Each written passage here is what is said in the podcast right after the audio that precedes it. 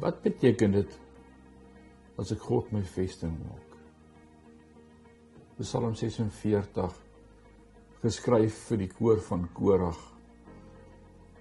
As ons in die nood wil vlug, kan ons na God toe vlug. Hy is baie sterk.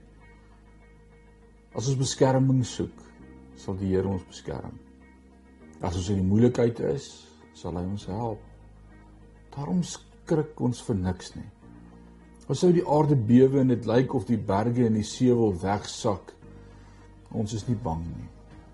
Al druis die skuim die see en al skud dit die berge heen en weer, die vloei van die waterstroom bring vreugde in die Godstad. God self bly daar. Daarom sal niks sleg dit kan tref nie.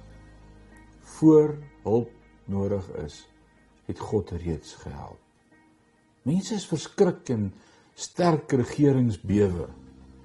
Maar God hoef maar net te praat dan verkrummel alles letterlik voor hom. Die Here vir wie niks onmoontlik is nie, is by ons. Hy is ons groot bevelvoerder. Die God van Jakob sal ons self beskerm. Kom kyk wat die Here alles op die aarde doen. Dit's verstommend. Hy maak oral 'n einde aan die bekleierery tussen mense. Die wapens waarmee mense oorlog maak, vernietig hy met vuur. Wees stil en weet ek is God. Ek regeer oor nasies, oor die hele aarde. Elke mens sal erken dat ek die belangrikste is. Niks en niemand is en kan so belangrik wees soos ek nie. Die Here vir wie niks onmoontlik is nie, is by ons. Hy is ons groot bevelvoerder. Die God op wie Jakob ook vertrou het, sal ons beskerm. Vriende, dis vir my 'n voorreg om vanmôre hier uit my studeerkamer uit met jou te kan gesels in hierdie oordeenking reeks van ons uit die Psalms uit vanmôre uit Psalm 46. Ek en jy het nodig om 'n veilige plek te hê, 'n plek waar ek en jy veilig kan voel en veilig kan wees en sommer net God se teenwoordigheid kan beleef en ervaar. Voel hoe al die bekommernisse van ons skouers afval en ons net sommer sy hand om ons en op ons beleef. Elkeen van ons het behoefte aan veiligheid, elke mens. En as ons nie veilig voel nie, dan hou ons op met groei. Die slim ouens vertel vir ons in plaas daarvan dat ons ons energie gebruik om te groei, gebruik ons dan al ons energie om ons vrees te bestuur en en onsself probeer beskerm. Dis ons ingebore selfverdedigingsmeganisme. In hierdie tyd waarin ons lewe, as ek hier agter my studeerkamer hier agter die tafel sit en dink, besef ek elke ou beklei vir sy eie behoud. As ek die klip sien wat ek sien op WhatsApp wat gestuur word hoe hulle 'n brood waaroop breek en elkeen net vir homself brood gryp en As ons sien hoe mense te kere gaan in die winkels om te koop asof dit die einde van die wêreld is, elkeen het genoeg sorg vir hom, dan dink ons regtig dat daardie brood of daardie kruideniersware wat ek opstok vir my vrede kan bring. En dan moet ek vandag eerlik vir jou sê, dit kan nie. Dit kan nie ons sekerheid lê nie daarin dat ons die vermoë het om onsself te beskerm of vir onsself te kan veg nie. In die antieke tyd was dit deel van 'n 'n koning se opdrag as hy stad gebou het dat hulle reg rondom daardie stad hoë mure gebou het wat die stadsinwoners sou beskerm. 'n 'n fortress, dis 'n mooi Engelse woord. 'n 'n 'n vesting, sterk mure en dan die bewoners van daardie stad veilig gevoel agter daardie mure. Uh die gemeenskap kon floreer want daar was veiligheid teen die aanslag van die vyand van buite af. Net soos wat 'n vesting vrede in 'n stad gebring het, is God my en jou vesting vandag. En besef ek dat ons eie vermoë vir onsself te kan sorg en ons tralies, ons deure en ons veiligheid nie gewaarborg word deur enigiets anders vandag as dat my hande is in die lewe van God nie dat hy my sterk toring is. Die woord sê die regverdiges hardloop daarin te vind beskutting. As jy net ontdek dat daar 'n plek is waar jy net by God kan wees en vandag net opnuut besef hy hou jou vas in die holte van sy hand. In in 'n steeds verwarrende wêreld vol van allerlei gevare herinner Dawid ons daaraan dat dat God ons toevlug en ons sterkte is, 'n ewige hulp in moeilike tye. God bring vir ons vrede en hy versterk ons. Wat wat wat ons die vryheid gee om ons God gegeewe bestemming te bereik eerder as om so besig te wees met ons eie persoonlike veiligheid net net soos 'n vesting van die antieke tyd daardie vryheid sou gee dat hulle kon fokus op wat belangrik is.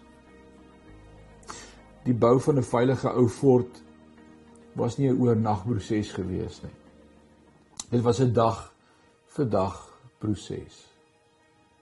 Ja, elke dag was was die mure in stand gehou of hoër gebou of daar was daagliks daaraan gewerk en ek wil vandag vir jou sê om God as jou vesting te ontdek in jou lewe eh, is nie 'n een eenmalige besef nie. Dis 'n dag tot dag verhouding. Dis 'n elke dag in sy teenwoordigheid kom met die wete ek is veilig by hom. Hy kyk na my. En ek leer om hom meer te kan vertrou as ooit in die verlede. Want hy het my nog nooit teleurgestel nie. Jesus het gesê dat as ons probleme in hierdie lewe het, hy het gesê daar sal baie probleme in hierdie lewe wees, maar ons moet moedig wees en sterk wees en ons moet sy vrede beleef en ervaar wat hy ook elke dag vir ons wil gee. Ek herinner my aan Johannes 16 vers 33 wat sê elke probleem wat jy sal ondervind het ek reeds oorwin. En dit gee vandag vir my daardie vrede om te weet corona omstandighede krisis uh geliefde aan die dood afstaan in hierdie tyd benoudheid gevaar swaar God is met ons en mag jy vandag God opnuut beleef as as hierdie fort hierdie beskutting hierdie vesting en jy sommer net sy veiligheid geniet en ervaar. Wil jy nie vanmôre sommer net 'n oomblik sommer net alleen iewerster dalk opgerol in jou bed dalk in jou sitkamer in 'n stoel buite op die stoep in die son net waar jy 'n kans kry plekkie kry vanmôre net sommer opnuut vir God sê U is my sterk toring dankie dat U woord ons leer die regverdige hart toe daarin en vind beskutting as ons vandag 'n oomblik reflekteer oor hierdie woord dan wil ek vir jou vra wat die situasie dat jou onveilig voel wat, wat van wat nou gebeur maak jou bang Het jy al met Jesus daaroor gepraat?